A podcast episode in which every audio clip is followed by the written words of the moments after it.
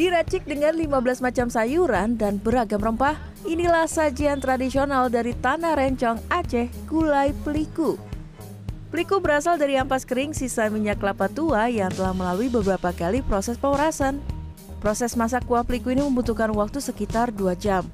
Gulai peliku sering kali hadir sebagai menu spesial pada saat hari besar. Walau gulai peliku tak setiap hari bisa ditemukan, pada Ramadan kali ini, sebagian warga bisa mencicipi kuliner khas ini sebagai salah satu santapan berbuka puasa. Gulai peliku ini enak sekali rasanya. Ini adalah masakan yang disukai oleh orang-orang tua kita zaman dulu. Ini memang uh, makanan yang wajib kita pertahankan. Bagi Rahmat, ia sengaja memasak gulai peliku dan membagikannya secara gratis kepada warga yang melintas. Bukan hanya sebagai bentuk berbagi terhadap sesama, sekaligus sebagai bentuk pelestarian masakan tradisional.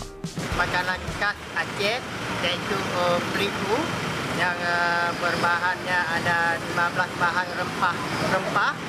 Yang uniknya di sini uh, beriku adalah makanan kesukaan uh, masyarakat Aceh Peliku bisa disimpan satu hingga tiga hari, bahkan semakin sering dipanaskan, rasa dari peliku akan lebih enak karena tekstur kuahnya yang kental. Hmm, jadi penasaran gak nih untuk mencoba? Supriyadi, Aceh Barat, Aceh.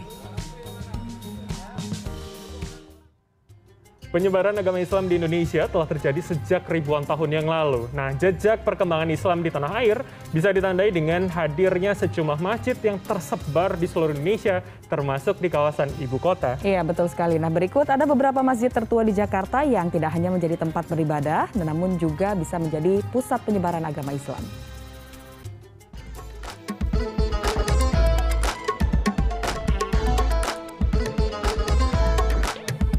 Sejarah mencatat agama Islam menyebar di tanah air sejak ribuan tahun yang lalu. Perkembangan Islam pun memicu pendirian sejumlah masjid yang tersebar di penjuru Nusantara termasuk di kawasan ibu kota. Di Jakarta terdapat ribuan masjid yang berdiri di setiap sudut permukiman warga. Beberapa masjid tersebut bahkan telah berusia ratusan tahun, namun tetap aktif menjalankan fungsinya sebagai tempat beribadah, pusat dakwah, hingga pendidikan.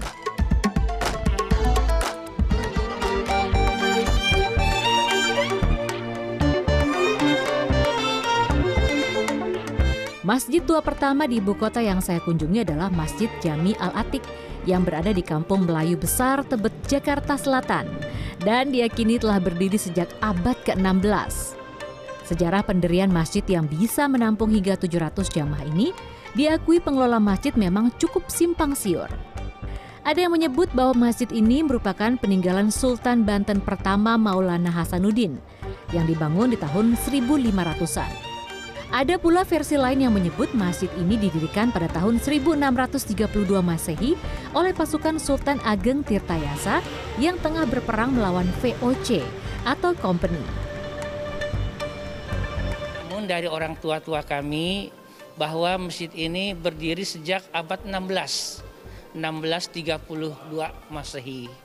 Ya, jadi masjid ini memang dulu berupa surau saja, masih kecil, jadi tempat orang yang ketika dia melalui jalur uh, di sini kan dekat sungai ya sungai dia mampir untuk melakukan sholat di sini.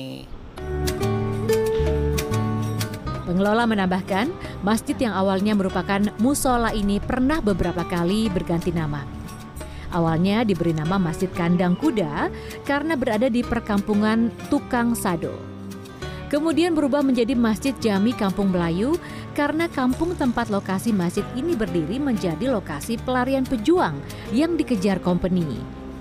Dan terakhir, di era tahun 1970-an, Ali Sadikin, Gubernur DKI Jakarta kala itu, mengubahnya menjadi Masjid Jami Al-Atik yang memiliki makna tertua. Masjid ini memiliki bentuk bangunan khas Masjid Nusantara dengan puncak atap berbentuk limas menunjuk arah mata angin. Masjid berlantai dua ini telah mengalami beberapa kali renovasi meski tidak menghilangkan unsur asli masjid, termasuk keberadaan empat pilar di tengahnya, mihrab imam masjid, serta ukiran kaligrafi di atasnya dan tongkat hatib. Untuk mengakomodir penambahan jumlah jamaah, pengurus Masjid Jami Al-Atik melakukan perluasan secara masif. Desain masjid ini dari sejak awal didirikannya pada abad ke-16 karena pada awalnya luasan masjid ini hanya sebesar empat tiang yang berada di dekat saya ini kemudian ditambah dengan mimbar yang masih mempertahankan kaligrafi sejak abad ke-16.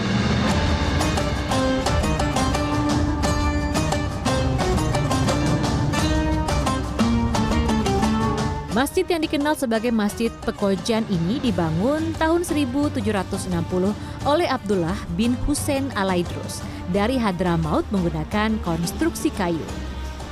Bentuk bangunan masjid yang menjadi cagar budaya ini merupakan perpaduan berbagai gaya arsitektur dari berbagai negara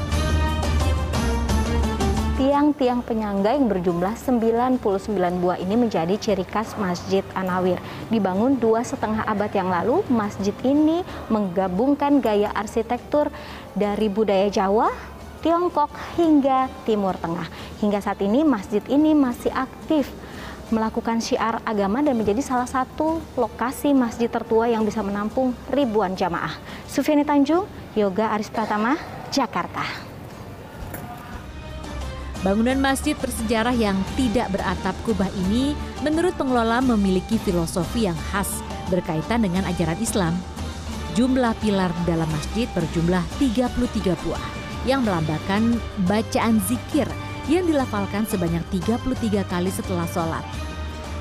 Kolom penyangga di ruang serambi masjid berjumlah 17 melambangkan jumlah rakaat dalam sholat dan secara keseluruhan masjid ini ditopang 99 tiang yang melambangkan jumlah Asmaul Husna.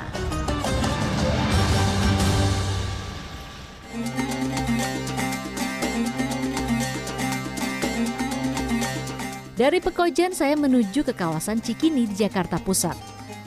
Ada Masjid Jami Al-Makmur Masjid yang dibangun di tahun 1890-an ini merupakan pindahan dari surau yang dibangun oleh pelukis Raden Saleh Syarif Bustaman. Sepeninggal Raden Saleh, masjid ini sempat beberapa kali berpindah kepemilikan. Pengelola bahkan menyebut masjid yang kini menjadi bangunan cagar budaya tersebut juga sempat mengalami pemindahan dari lokasi aslinya sejarah panjangnya Masjid Jami Cikini Al Makmur. Dulu keberadaannya tahun 1840, keberadaannya sekarang yang ada di area Rumah Sakit Cikini. Nah, pada waktu itu uh, Raden Saleh disebut juga Sarip Bustaman, beliau menjual tanahnya kepada Yayasan EMA.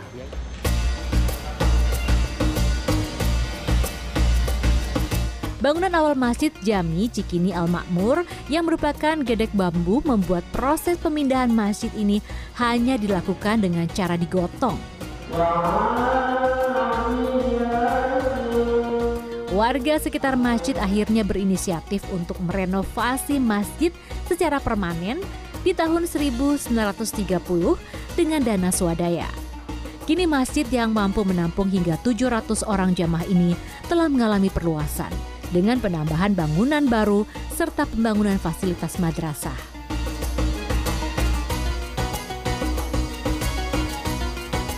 Kesempatan mengenal masjid bersejarah di kawasan ibu kota menurut sejarawan Indonesia Asep Kambali akan memberikan kesempatan kepada kaum muslim untuk mempelajari sejarah perkembangan Islam di tanah air.